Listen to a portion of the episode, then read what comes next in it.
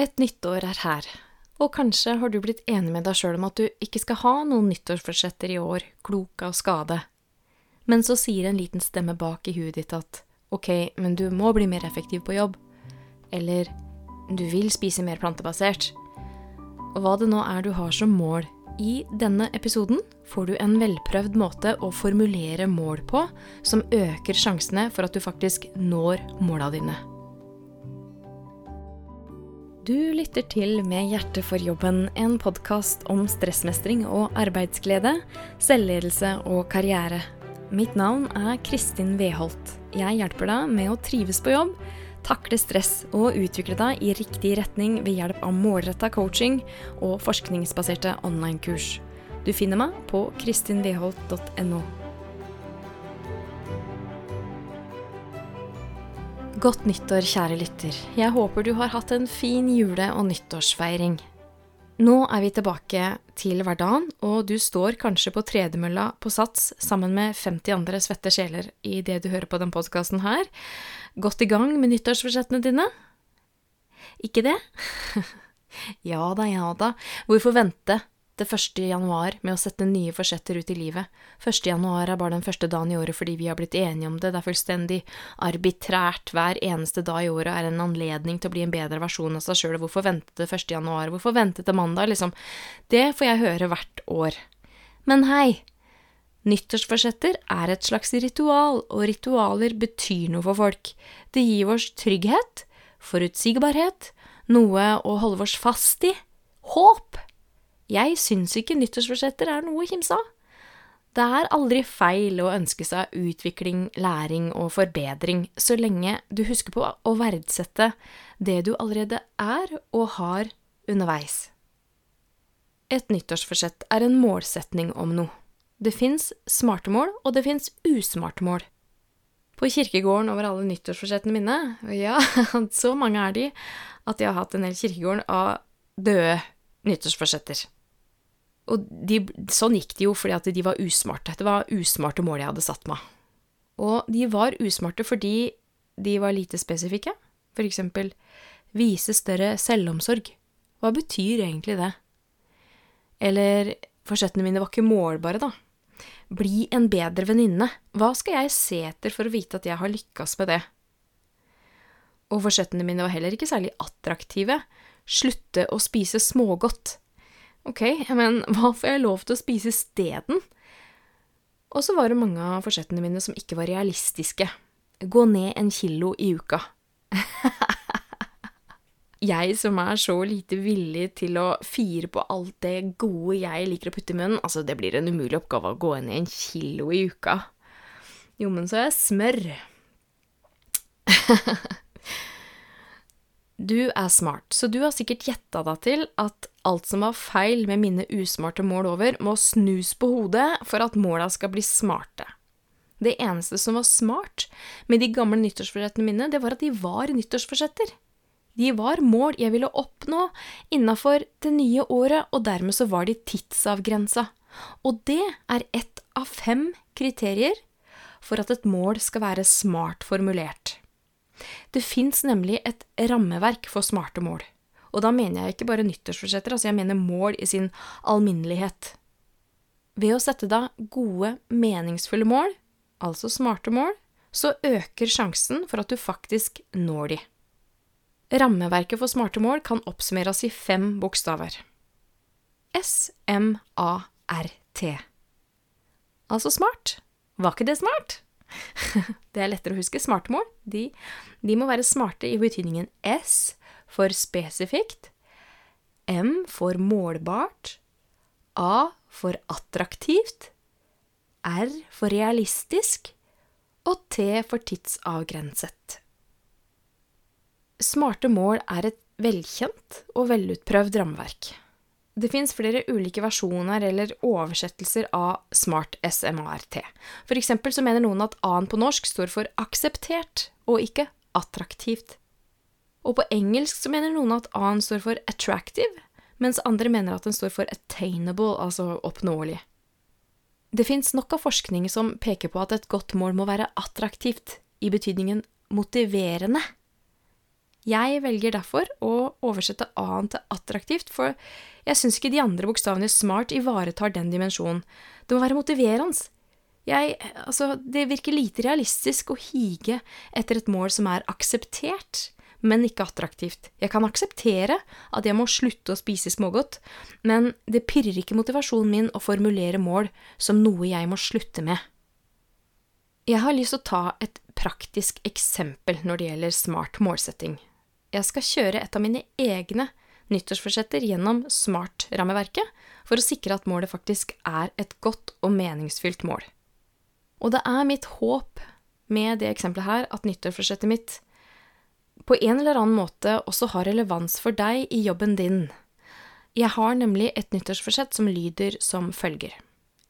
Jeg skal jobbe mer strategisk i 2022.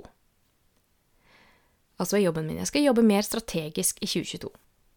Sånn jeg har formulert det nå, så kvalifiserer det ikke som et smart mål.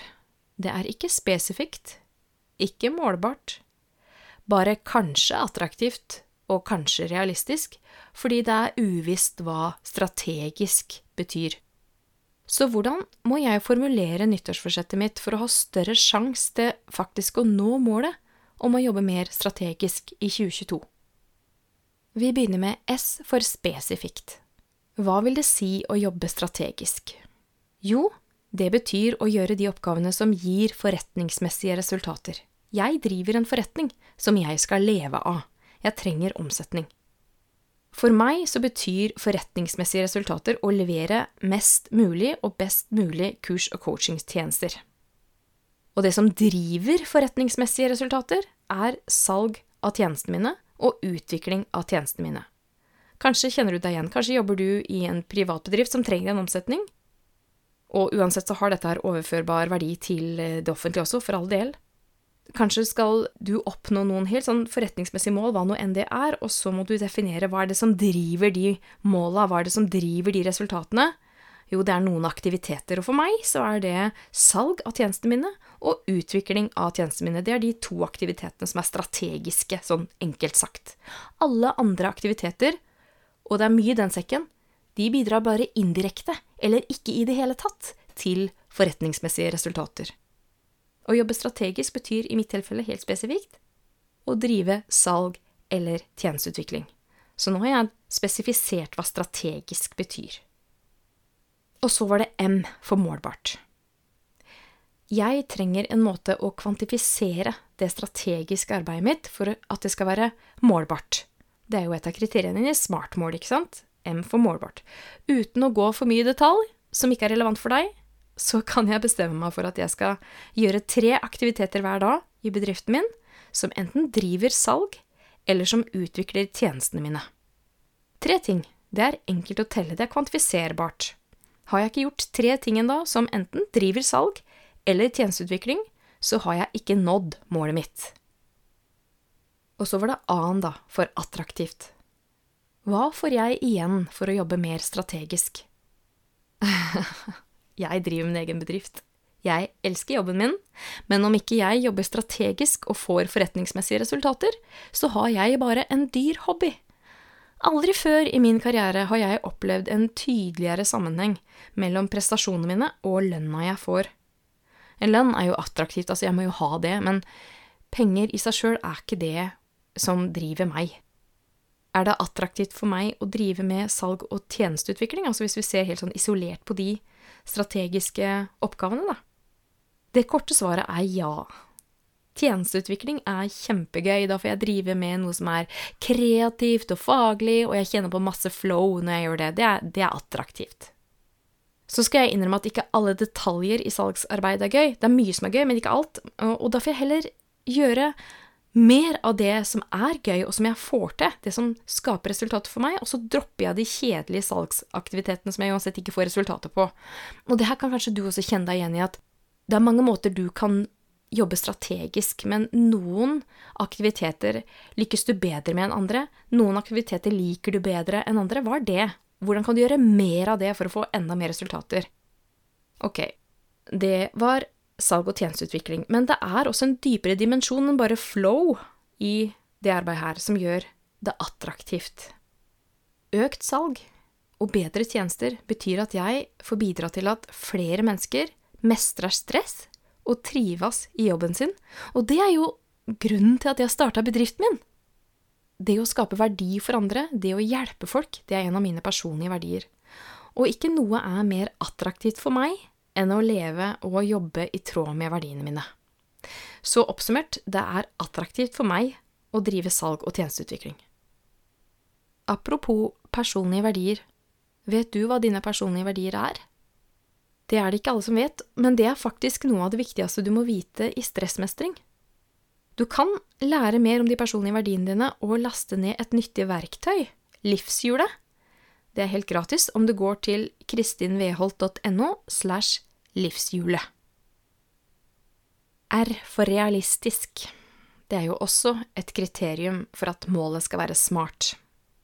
Er det realistisk for meg å gjøre tre strategiske ting hver dag? Det kommer jo selvsagt an på hvor store oppgavene er. Min første prioritet i jobben min er alltid å levere til kundene mine det de har kjøpt, altså coaching eller kurs. Det går foran alt.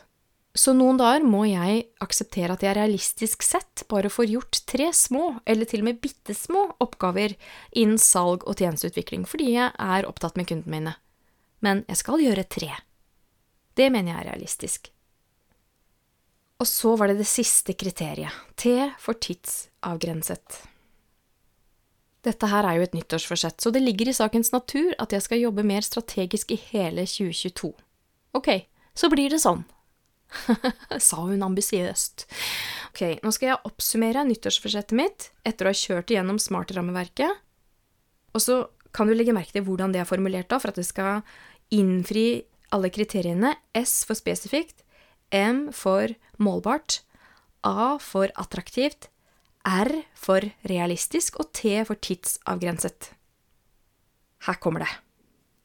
I 2022 skal jeg gjøre tre aktiviteter hver dag som driver salg eller utvikler tjenestene mine. Da jobber jeg mer strategisk.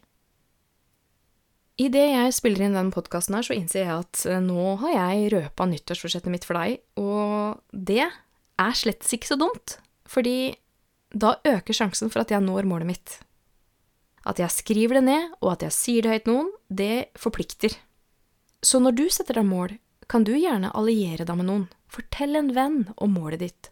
Skriv det ned, og så blir du kanskje spurt om hvordan det går etter en tid. Kanskje har vennen din et eget nyttårsforsett som du kan følge opp henda på, og så kan dere holde hverandre gjensidig ansvarlig for å nå måla deres. Da øker sjansene for at dere når målet.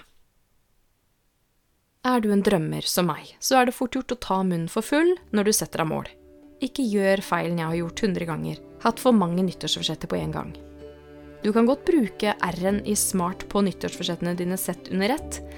Er det realistisk at du skal få til alt på en gang? Altså alle måla dine på en gang? Klarer du å holde flere ulike fokus samtidig? For det er egentlig ikke realistisk. Kanskje er det bedre strategi å velge ett mål av gangen og lykkes med det, og så kan du alltids føye til et mål når det første er innarbeida. Det kommer jo en ny mandag hver uke. Du har lytta til Med hjertet for jobben, en podkast om stressmestring og arbeidsglede, selvledelse og karriere.